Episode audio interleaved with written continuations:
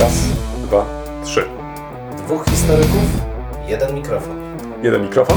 Dwóch historyków? No nie, ale to znowuż mi wszedłeś w paradę. No tak zazwyczaj się dzieje. Profesor Krzysztof Równiewicz. Profesor Przemysław Wiszewski. Próbujemy nagrywać to, co nas ciekawi, to, co nas kręci, ale zawsze w kontekście historii. Chcemy pokazać, że w historii można poznawać się w różny sposób. Zdecydowanie w różny sposób i nawet można się nią bawić. Państwo wszyscy widzą, że się uśmiechamy, więc my się też bawimy. Bardzo dobrze. Dwóch Liczymy historyków, jeden mikrofon. Jeden mikrofon? Dwóch historyków. Po dyskusji na temat narodu, stereotypów, czas teraz na mity. No, jest to jeden element dopełniający, także dlatego, że mity bardzo często są mylone z legendami tylko przez to, czy aż przez to, że niekoniecznie zbliżają się w naszym rozumieniu do tak zwanej prawdy. Ale jest głęboka różnica między stereotypem, legendą i mitem.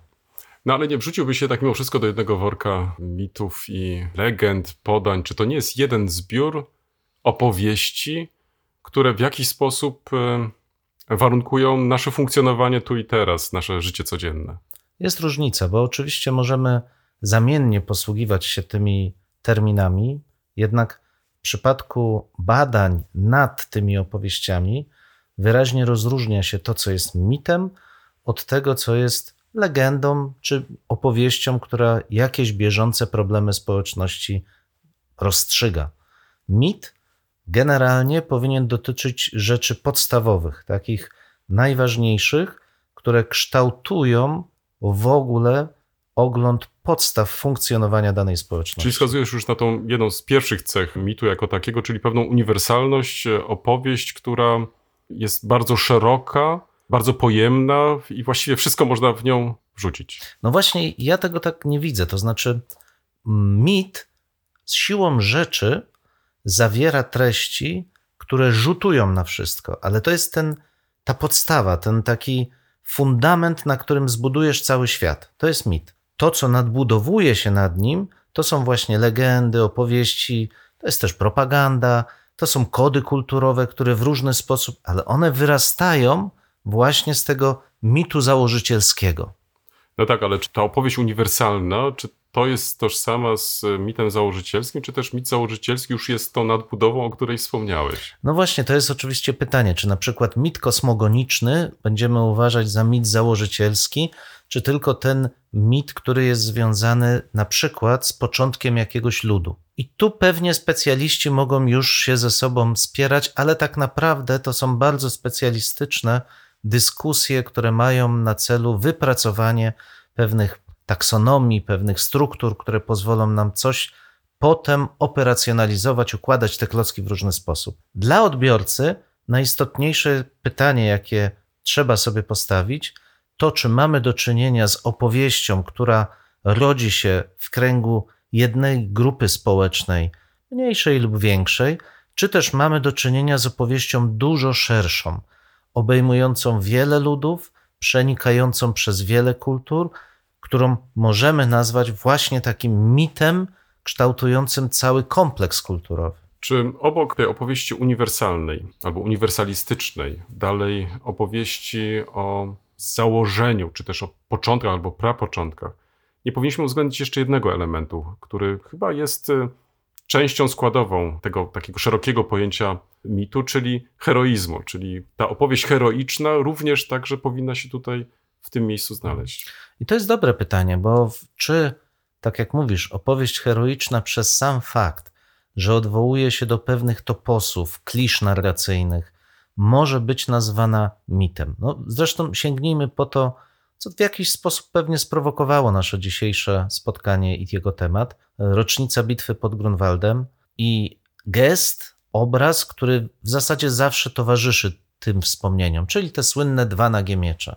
Za tym kryje się rzecz jasna cały szereg skojarzeń związanych z bieżącą polityką w rozumieniu mniej więcej polityki od XIX wieku i kształtowania emocji z tym związanych, antyniemieckich, budowania poczucia wielkości narodu polskiego, szukania takiego wydarzenia z historii, które jednoznacznie pokazywałoby wielkość, możliwość przezwyciężenia przez naród polski jego przepraszam, trochę kompleksów, trochę problemów historycznych i do której można by się odwoływać, żeby budować na tym bieżące działania polityczne. Tylko czy to jest mit? Czy to jest mit? Czy to jest legenda? Czy to jest propaganda? Czy, czy potrafimy to rozdzielić i czy rzeczywiście musimy to rozdzielać?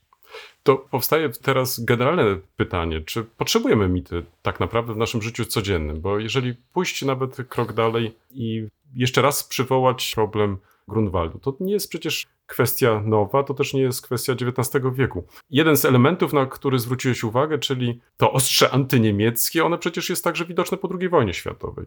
Wystarczy chociażby uzmysłowić sobie nie tylko w to, w jaki sposób Grunwald znowu się pojawił w kontekście chociażby sztuki, na plakatach, gdzie się pojawiało nie tylko odwołanie do Grunwaldu jako takiego, ale przecież też e, i Berlina 1945 roku.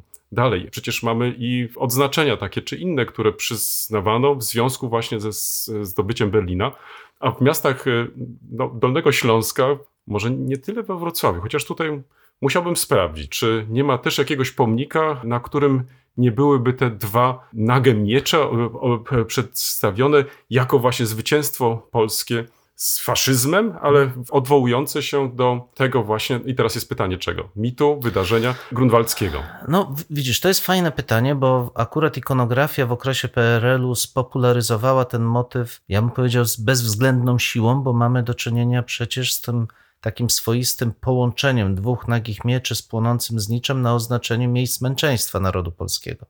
I to chyba najczęściej spotykany motyw, który się pojawia, właśnie te dwa nagie miecze w tym kontekście całkiem świadomie. To znaczy, że mamy męczeństwo dokonane przez hitlerowców, najczęściej, bo przecież kwestia wschodnich prześladowań wtedy nie jest aktywna, połączone z dwoma nagimi mieczami, czyli symbolem buty z jednej strony narodu niemieckiego, a z drugiej strony zwycięstwa narodu polskiego. Więc ja bym powiedział, że to jest bardzo, mm, nie powiem sprytne, ale bardzo ciekawy sposób łączenia symboli po to, żeby wywołać odpowiednie emocje i w związku z tym ukształtować odpowiednie widzenie świata. Ale cały czas wracam do tego, czy to jest mit, bo mit dotyka tych podstawowych, najgłębszych struktur łączących społeczność. I taką, gdybyśmy uznali, że taką strukturą łączącą społeczność jest wrogość i przezwyciężanie, ale poprzez dominację poczucia swojego, swojej krzywdy, to musimy powiedzieć, że w ten sposób chcemy widzieć w ogóle relacje między grupami społecznymi. Bo mit definiuje, co będę cały czas podkreślał, mit definiuje relacje w szerszym zakresie, dotyczące wielu grup społecznych, wielu ludów, narodów. Mit nie jest opowieścią, która zawarta jest w tej konkretnej treści. On kształtuje, to jest, jest jakby forma, która przyciąga pewne narracje i następnie przedstawia je w strawnej dla danej grupie społecznej treści, formie. Ale pozostańmy przy tych mhm. krzyżakach. No. Z pewnością przypominasz sobie ten obraz, kiedy to w roku 58 ówczesny kanclerz Republiki Federalnej Niemiec, Konrad Adenauer, został honorowym członkiem zakonu e, krzyżackiego. Mhm. Polska prasa oczywiście podjęła od razu temat. Konrada Adenauera przedstawiła jako krzyżaka i dla wszystkich było jasne na hasło krzyżak, jakie z tym związane są treści. Ale do tego przecież e, wydarzenia nawiązano także wiele lat później w kontekście już e, prowadzenia stanu wojennego, kiedy pokazuje się plakat, gdzie mamy na tym plakacie ówczesnego prezydenta Stanów Zjednoczonych, Ronalda Reagana, w stroju kowboja, w nawiązaniu do hmm. jego aktorskiej przeszłości, ale w tle kto się pojawia? Konrad Adenauer. Jako ten właśnie członek zakonu krzyżackiego. Hmm. I ten podpis, ja już nie pamiętam, ale to możemy sprawdzić znowuż w internecie, krucjata przeciwko Polsce, hmm. to też przecież było jasne, czyli odwoływano się do pewnych kodów kulturowych, które istniały. I teraz jest pytanie, czy funkcjonowanie tych kodów kulturowych nie jest też jakimś dowodem na istnienie właśnie tych mitów jednak. To znaczy, znowuż, nie trzeba było nikogo chyba przekonywać, kim jest ten prezydent Stanów Zjednoczonych. Może nie wszyscy pamiętali Konrada Adenauera, ale wszyscy na pewno wiedzieli, co oznacza ten płaszcz z czarnym krzyżem. No, można też powiedzieć, że sami nasi zachodni sąsiedzi ułatwili tą sytuację, bo skoro zdecydowali się w czasach niesłusznych w czasach hitlerowskich malować krzyże na czołgach, czy oznaczać tak e, samoloty, to też robili to zupełnie świadomie, odwołując się do idei krucjatowej. Nie musieli tego symbolu wybierać. Tak e, stwierdzili, że no akurat z różnych powodów będzie im to odpowiadać. Natomiast pytanie teraz, czy zderzenie tych dwóch symbolik z jednej strony tych, który ożywiała w epoce hitlerowskiej ducha niemieckiej wizji świata, gdzie kulturträgerzy przynoszą nową kulturę ludom, które trzeba ucywilizować, a z drugiej strony tej wizji polskiej, gdzie zagrożenie idzie z zachodu i to zagrożenie jest odwieczne, no i tak dalej, i tak dalej. Czy to zderzenie rzeczywiście ma charakter właśnie mityczny? To znaczy, czy jest to coś, co możemy obserwować przez całą historię, że w ciągu całej historii narody, bojąc się siebie, budują dwie sprzeczne, idące na czołową kolizję zawsze ideologie, które obudowują następnie różnymi rzeczami. I myślę, że możemy znaleźć zarówno argumenty za i przeciw, bo możemy sięgnąć do Biblii i poszukać, jak naród żydowski definiował siebie. Paradoksalnie zbliżona sytuacja. Niewielki, niewielka grupa etniczna, która jest pomiędzy ogromnymi potęgami, pomiędzy Egiptem, czasami Asyrią, czasami Babilonem, generalnie zawsze w ich cieniu, zawsze próbująca wygrać konflikty między tymi wielkimi potęgami, ale zawsze akcentująca swoją wielkość. To Żydzi pokonują Egipcjan, to Żydzi bronią się przed Babilończykami, to Żydzi i tak dalej, i tak dalej. Sprytem, czasami potęgą militarną, a czasami wsparciem Boga. Bitwa Warszawska? No to przecież jest zasługa Najświętszej Marii Panny, która pomaga wojskom polskim przezwyciężyć hordy bolszewików. Ale sprytem z kolei jest zwycięstwo po I wojnie światowej i otwarcie II Rzeczpospolitej, bo wykorzystaliśmy koniunkturę i udało nam się to zrobić. To nasz spryt, ale też nasza odwaga. I można takich narracji ileś budować. Tylko pytanie, gdzie w tym jest ten mit? Mit założycielski, o którym wspomniałeś, jeśli spojrzymy na ten mit średniowieczny, jest bardzo interesujący, ale wcale nie oryginalny. Bóg stwarza pierwszą dynastię, ale i co jest oryginalne akurat w tej opowieści, to to, że z drugiej strony lud wyraża zgodę na tą decyzję, którą Bóg sugeruje tylko. Ten moment z biegiem czasu zginie. To, co jeszcze jest u Gala Anonima, to znaczy zgoda ludu na dynastię i na jej przewodzenie, z biegiem czasu zaniknie, zostanie tylko wola Boga, przyrodzone władztwo piastów, władza jako coś, co jest warunkowane i uzasadniane siłą wyższą. I to bym powiedział jest mit. Ten mit, który odnajdziemy u wielu ludów, że ostatecznym uzasadnieniem do sprawowania władzy jest nie zgoda ludu, co się czasami pojawia historycznie. Nie. Tym ostatecznym uzasadnieniem jest siła wyższa, takiej, której nie da się kwestionować. Prawo historii albo wola Boga. Cały czas się teraz zastanawiałem też nad tym, że może to nasze patrzenie na mity jest jednak bardzo ograniczone, bo cały czas koncentrujemy się na tych mitach narodowych. Mhm. E, I oczywiście możemy sięgać do zamierzchłych e, czasów, możemy sięgać nawet też do Biblii, przywołując takie czy inne ludy, pokazując, jakie były te mity założycielskie i tak dalej. Ale pytanie, czy to nas też znacznie nie ogranicza, bo z jednej strony tak, my poruszamy się w tych mitach narodowych i zwłaszcza jest to widoczne w przypadkach, kiedy po wielu set latach jedne narody, które utraciły państwo, to państwo znowuż odzyskują i próbują w jakiś sposób e, stworzyć nową narrację, to znaczy taką, która by była w miarę spójna i przekonująca i pokazywała starych, nowych bohaterów w nowym świetle. Dotyczy to też państw, e, czy też narodów, które takiego państwa w ogóle nie posiadały, a dopiero takie państwo dopiero w XX wieku mogły e, stworzyć, więc też szukały niejako, bym powiedział, na siłę tych swoich prapoczątków, to znaczy do czego mogłyby nawiązywać. I nie zawsze pozytywne e, wydarzenia, stąd też może tutaj właśnie ten element heroizmu jest tutaj po prostu ważny, bo jest to widoczne, ale znowuż tu wracam do tej mitologii narodowej. To myślenie w kategoriach na przykład moralnych zwycięstw, to znaczy wprawdzie polegliśmy na jakimś tam polu bitwy, ale moralnie zwyciężyliśmy. I tutaj znowuż w historii znajdziemy sporo takich e, przypadków. Nie musimy daleko przecież szukać, gdybyśmy nawet się zastanawiali nad tym, co było mitem założycielskim III Rzeczpospolitej, no to tutaj moglibyśmy wskazać chyba kilka takich wydarzeń, do których się odwołuje. Na przykład to może być e, na pewno tradycja w, i, i w Solidarność to może być okrągły stół. To może być na przykład też rok 56, ale znowuż pytanie w jakim kontekście. To znaczy, czy myślimy tutaj na przykład o powstaniu Poznaniu, czy też myślimy tutaj bardziej o tym konsensusie, który osiągnięto wtedy z władzą w październiku, kiedy komułka dochodzi e, przykładowo do władzy. Czyli to, na co my zwracamy, to znaczy chcemy bardziej eksponować e, ten element e, no właśnie tych takich przegranych e, wojen, ale moralnych zwycięstw, czy też bardziej stawiamy na to, że naszym jakimś takim ważniejszym e, trendem jest myślenie w kategoriach właśnie porozumienia, szukania tego porozumienia i tak dalej. Ale jeżeli pozwolisz, to tutaj e, jest jeden z pięknych przykładów, który to kapitalnie ilustruje, go sobie specjalnie zachowałem.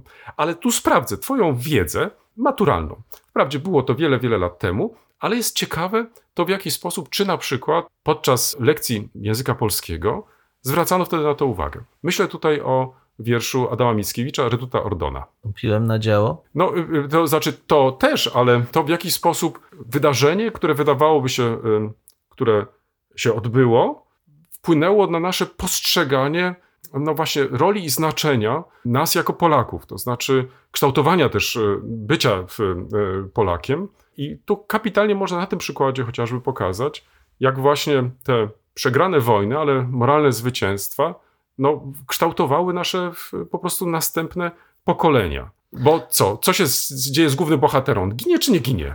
No Mieliście to na tych lekcjach, czy Tak, też nie? Oczywiście, że tak. No, znaczy, ja miałem bardzo dobrą panią polonistkę naszą w liceum. Ona oczywiście od razu nam powiedziała, że Ordon nie ginie, Ordon przeżywa to wszystko, natomiast e, bardzo wyraźnie też, i bardzo jestem jej za to wdzięczny, rozdzieliła to, co jest sferą narracji poetyckiej i co ma pewien cel pragmatyczny, od tego, co się naprawdę wydarzyło. I w czasach Mickiewicza pewnie większość ludzi zdawała sobie sprawę, że Ordon nie zginął, ale istotniejsza była kreacja i to, czemu służył ten konkretny utwór poetycki. I tu w- pełni się jakby z Tobą zgadzam, że kształtowanie tych mitów to jest z mojej perspektywy rzecz niejako poza, poza nami, nawet poza społecznościami.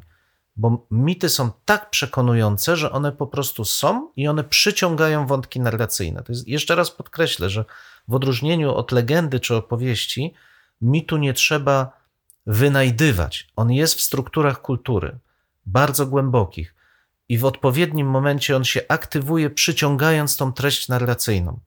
Więc to, o czym ty w, wspominałeś, że można było założyć trzecią Rzeczpospolitą na takiej lub innej opowieści, to jest kapitalny przykład, bo on pokazuje, że mity można wybrać, że mity w tej grupie społecznej są czymś, na co my się decydujemy. Ja pamiętam taką dyskusję, która w, budziła mój niesmak i do dzisiaj zresztą budzi mój niesmak, y, części prawicowych felietonistów, redaktorów, którzy wskazywali, że trzecia Rzeczpospolita byłaby lepsza, gdyby doszło do jakiejś krwawej ofiary w 89 roku, bo wtedy naród byłby zjednoczony tym wspomnieniem tragedii, tratatata, tratatata.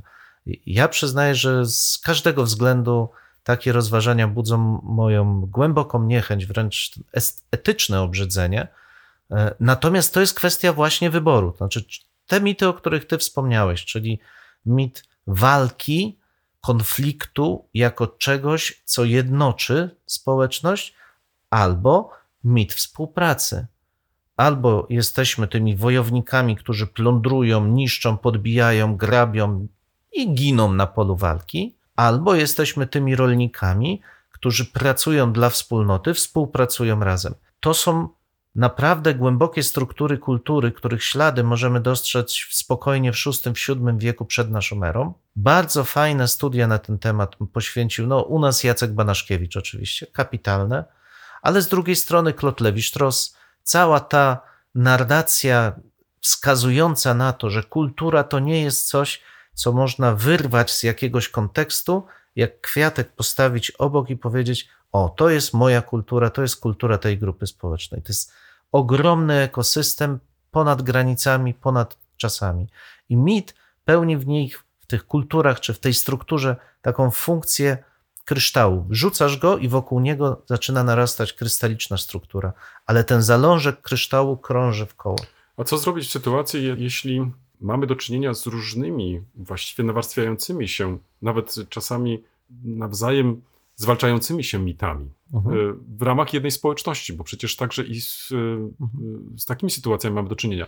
Przytoczyłem tutaj mity założycielskie III Rzeczpospolitej, ale niektórzy nawet mówią o czwartej Rzeczpospolitej. Mhm. I tutaj sytuacja już wygląda całkiem inaczej, czyli to odwoływanie się wielokrotnie do tych samych wydarzeń, ale w innym kontekście. Żeby to znowuż e, zilustrować, e, jeśli chodzi o te mity założycielskie czwartej Rzeczpospolitej, tak zwanej, to przecież i mamy powstanie warszawskie, Mhm. ale przede wszystkim tutaj ten element e, martyrologiczny e, bardzo mocno jest eksponowany i to moralne zwycięstwo. Dalej mamy w tak zwanych e, żołnierzy wyklętych, kolejny Mhm. jakiś taki mit e, założycielski, czyli ten antykomunizm Mhm. po II wojnie światowej. Ale dalej mamy na przykład już różnego rodzaju kolejne powstania, które nawiązują do Tak, powstań. Tragedia smoleńska. Tak, no, aż y, kończąc właśnie na tragedii y, smoleńskiej. Czyli mamy też pewien ciąg mitów, które Mhm. stoją w opozycji do tych, które dotychczas jakoś były, no Mhm. chyba jakimś tam konsensusem e, społecznym, do których nawiązywaliśmy i z których byliśmy dumni chyba. No ale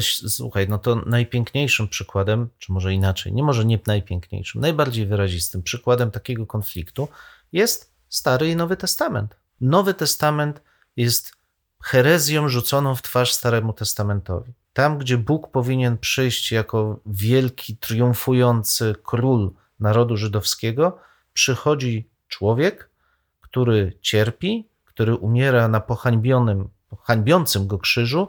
W dodatku Nowy Testament sugeruje, że religia tego Boga jest religią powszechną, nie jest religią narodu wybranego, a mimo to czerpie z jego tradycji kulturowej. To jest dopiero zderzenie dwóch wielkich mitów: ekskluzywizmu, ale ekskluzywizmu, który rości sobie pretensje do panowania nad całym światem, i to jest religia Starego Testamentu, i wyjścia na zewnątrz, ale z pozycji człowieka, nie z pozycji triumfującego króla Boga, ale z pozycji człowieka. To jest dopiero kapitalne zderzenie dwóch mitów. Natomiast to, o czym ty mówisz, oczywiście, że tak. W naszej tradycji, polskiej tradycji kulturowej, to przekonanie, że walka jest dużo bardziej szlachetna niż praca, no jest niestety bardzo zakorzenione. I tak jak wspomniałem wcześniej o tej e, sugerowanej tragedii, która powinna być założycie, mitem założycielskim III Rzeczpospolitej, no to to, co opowiadasz, jest tylko ucieleśnieniem tego, że ta nowa Rzeczpospolita musi być na krwi, na cierpieniu, bo to jednoczy i jest nie do skrytykowania. Tak jak mit pracy możesz sobie krytykować, bo zakładasz, że to nikogo nie dotyka, no bo przecież co jest złego w tym, żeby powiedzieć, że skoro ktoś dobrze pracuje, to jest mało pożyteczny, ważniejszy jest ten, kto ginie. No, z tej perspektywy tu nie ma w tym nic złego, ale zakwestionować czyjąś walkę i śmierć, no kto się odważy. Więc tu mamy do czynienia tak naprawdę, i, i to jest też siła mitu, z różnymi wartościami, światami wartości, z różnymi hierarchiami wartości. Czyli naszym zadaniem jako takim, czyli historyków, Mhm. ale także tych, którzy zajmują się y, badaniem mitów, no jest przede wszystkim demitologizacja, to znaczy Mhm. próba y, podważenia niejako, albo postawienia Mhm. znaku zapytania pod tym, co uważamy za coś y, pewnego, coś, co Mhm. kształtuje nasze tu i teraz. I chyba pięknie to Mhm. zilustrował jeden z polskich karykaturzystów, Andrzej Mleczko, który w jednej ze swych karykatur pokazał dwóch rycerzy na koniach, którzy uciekają przed, e, z pola bitwy przed e, strzałami. Jeden do drugiego mówi w tym słynnym dymku komiksowym: Mam już dość tych e, moralnych Moralnych zwycięstw. Ale wiesz, co ci powiem? Ta karykatura, czy ten, ta wypowiedź artystyczna jest świetnym przykładem czego? Że mitu nie da się zdemitologizować. Bo mit zawiera w sobie tą siłę strukturalną. Mit możesz obnażyć, to znaczy możesz komuś powiedzieć: Zobacz, ta narracja wyrasta z mitu. Ta narracja opiera się o klisze kulturowe, które znajdziesz wszędzie. Mitu nie da się zdemitologizować, ale można go zrozumieć. W tym miejscu stawiamy kropkę lub też jak to woli, kropkę nad. No, mamy nadzieję, że to nie jest koniec, że to jest początek naszej dyskusji. Mam nadzieję, że Was zaciekawiliśmy. Prosimy o komentowanie naszych zmagań z historią. Poniżej zdjęcia jest wystarczająco dużo miejsca. I pamiętajcie, nie regulujcie odbiorników. Mamy naprawdę tak brzmi. E, tak, chociaż być może czasami e, może trzeba ściszyć. No może czasami ten nasz rekord by się przydało wyciąć nawet. Dwóch historyków, Jeden mikrofon, jeden mikrofon. dwóch historyków. I do usłyszenia Państwu. Do usłyszenia.